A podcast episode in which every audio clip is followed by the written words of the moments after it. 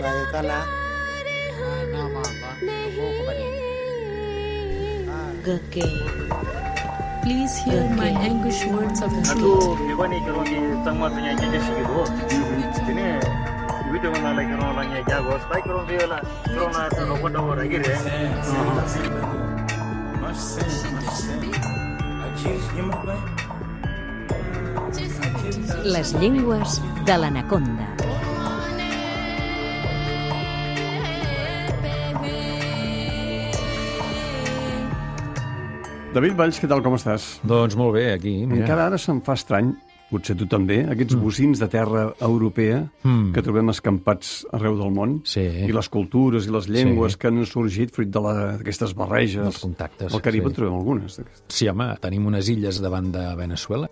A tocar de Venezuela, A tocar de. Venezuela. Una es diu Curaçao, Aruba i Bonaire. Doncs parlarem d'aquestes tres illes. Bé, més aviat parlarem Del que parlen. del que parlen. Eh? Primer hem de saber també que a vegades la política fa coses. Eh? Tenim que dues illes d'aquestes, eh, Curaçao i Aruba, són estats independents associats, eh, els Països Baixos, sí? i que Bonaire és una municipalitat, diuen, dels Països Baixos, bé, seria, suposo, com una província més aviat, no? Una, Sí. sí, pertany als Són aquestes Baixos. terres això, estranyes, no?, que diem. Ah, exacte. I allà tenim una llengua que es diu papiamento, papiamento o papiamento o papiament, que sembla ser que es pot dir en català, sí? que la parlen aproximadament unes 220.000 persones De les tres illes, eh? a les tres illes, sí, Sí. sí, en totes tres illes. Sí? Uh, llavors, a Curaçao tenen tres llengües oficials, una és el papiamento, l'altra és l'anglès i l'altra és el neerlandès. Sí? Tots els que hi van posar els peus. Sí, bàsicament. A Aruba, el neerlandès i el papiament, i al Bonaire tenen el neerlandès amb un reconeixement del papiament. Mm? Suposo que això de ser una municipalitat fa que no sé, ha hagut del papiment ha hagut d'anar una mica més avall, no l'han pogut posar a la mateixa Al mateix altura, nivell, al mateix no? nivell No que... si la gent el parla per això, no? O si el parla sí, casa. sí, ja parla tothom, això, Mm. eh? Mm? Què passava dir- en aquestes illes Va, originalment, què abans que arribessin els europeus? Allà hi vivia gent, com en tota Amèrica, sí? i eren habitades pels arawak i els caquetío, que eren els indígenes d'aquella zona. Però, esclar, van arribar els Van haver-hi colonitzadors. diverses colonitzacions, eh? primer Espanyols, els espanyols, després els portuguesos, després els neerlandesos. Eh? I allà van passar coses, clar, s'ajunta gent que parlen a més llengües molt diferents. Bé, no és I el cas dels venen de espanyols. lluny, que porten Exacte. malalties de lluny. Exacte. Els arawak i els caquetío parlaven llengües molt diferents dels colonitzadors, els espanyols i els portuguesos no, perquè l'espanyol i el portuguès s'assemblen molt, però sí que van venir els neerlandesos, i també és una llengua força diferent, i allà va haver moltes barreges. Vaja, Comencem una mica... Que es va organitzar Allà es va muntar un cristo, Un cristo, lingüístic de déu nhi de de Déu-n'hi-do. I això va tenir conseqüències. Això va tenir conseqüències. Per començar, el nom de la llengua. Això de papiamento d'on ve? Doncs ve de, de pàpia, o papia, que vol dir parlar. del neerlandès, no? No, no ve del neerlandès. És possible que vingui del portuguès, eh? I el mento, aquest sí que això pot venir tant del portuguès com del castellà, aquest sufix que l'han transformat en un substantiu, no?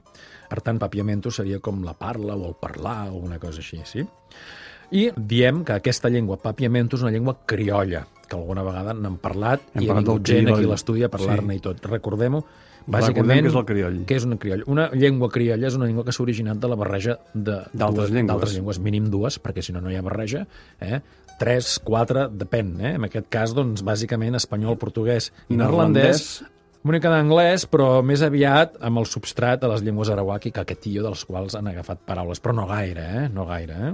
I també recordem que el crioll, abans de ser un crioll, és un pidgin. I un pidgin és una llengua que al principi, quan el crioll s'està formant, per dir-ho així, què passa? Que, o sigui, tu poses barrejat, tens allà gent castellano parlant, tens portuguesos i tens neerlandesos que s'han d'entendre entre ells, no hi ha Perquè escoles... han de carregar i descarregar els vaixells. Exacte, no hi ha escoles que no tenen temps... magatzems. Exacte, no tenen temps per anar a una acadèmia de llengües i que els ensenyin bé el neerlandès o els ensenyin bé el castellà o el portuguès i van allò sobre la marxa, S'espavilen, no? I es van entenent com poden. I allà acaba sortint un aigua barreig com una llengua franca que en principi té unes funcions limitades, que és el pidgin, que pot sortir doncs, amb el port descarregant els vaixells i la parlen només els mariners. Cada dia en que aquell van a moment treballar allà. El Exacte. parlen, però quan van a casa no. Clar, però cadascú quan va a casa, doncs el que és un parla el castellà i l'altre portuguès i el neerlandès i queda allà aquell pidgin, aquella cosa que a vegades el pidgin desapareix aquell ofici, no qualla entre la població i desapareix allà aquell pidgin i no se'n sap mai més res més. Però a vegades aquest pidgin es va escampant. Ja no és només els pescadors que el parlen, sinó que... eh, Se'n va a les tavernes. Exacte, se'n va a les tavernes. I als Llavors, magatzems. ah, exacte, llavors el del bar també, el de la taverna també el parla i tothom I es va a escampant la llengua. l'Ajuntament i a l'Església. Ah, exacte, l'Ajuntament, l'Església i al final aquell pidgin...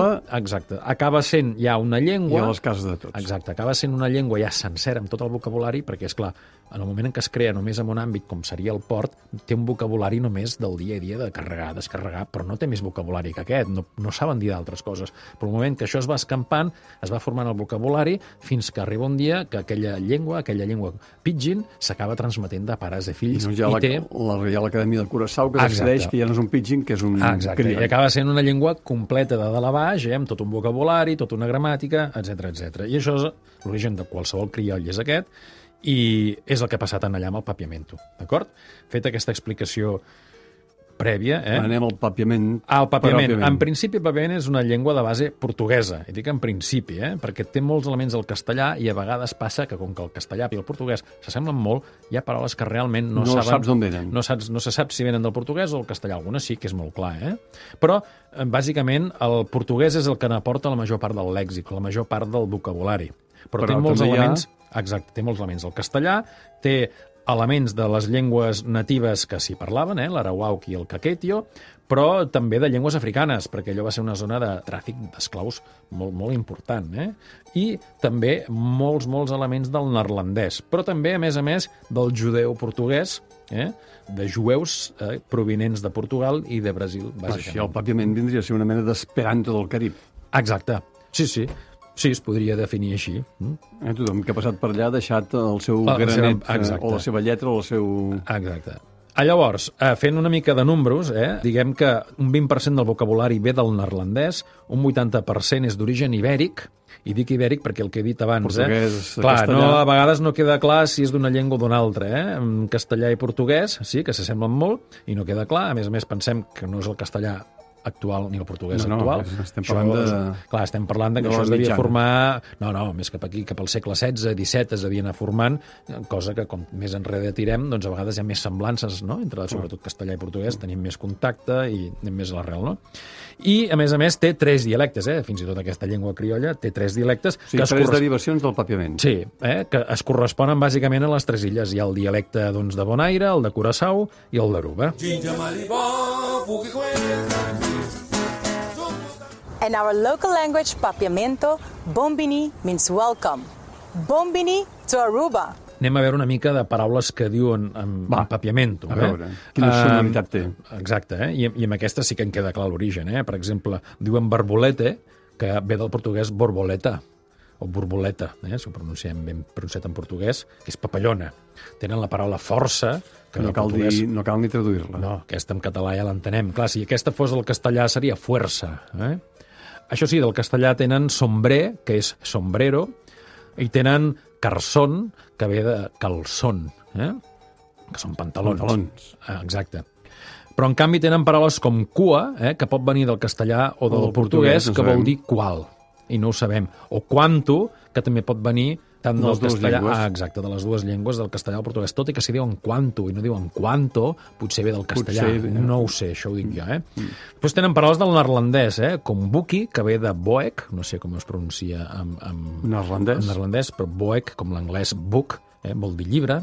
A la poma en diuen apple, Clarament d'influència anglesa, neerlandesa. neerlandesa, bé, pensem que el neerlandès és una llengua germànica, per tant, comparteix Amb moltes paraules amb- germanismes. Germanismes. O sigui, que comparteix la mateixa arrel que l'anglès. No és que en neerlandès diguin Apple per influència del, Sí, de l'anglès, eh? sinó que és perquè tenen un tronc comú. Eh? I també tenen paraules, com he dit abans, de llengües africanes, com el Wolof, tenen una paraula que és Yongotà, Llengua del Senegal i de Gàmbia. exacte, que ve del Senegal.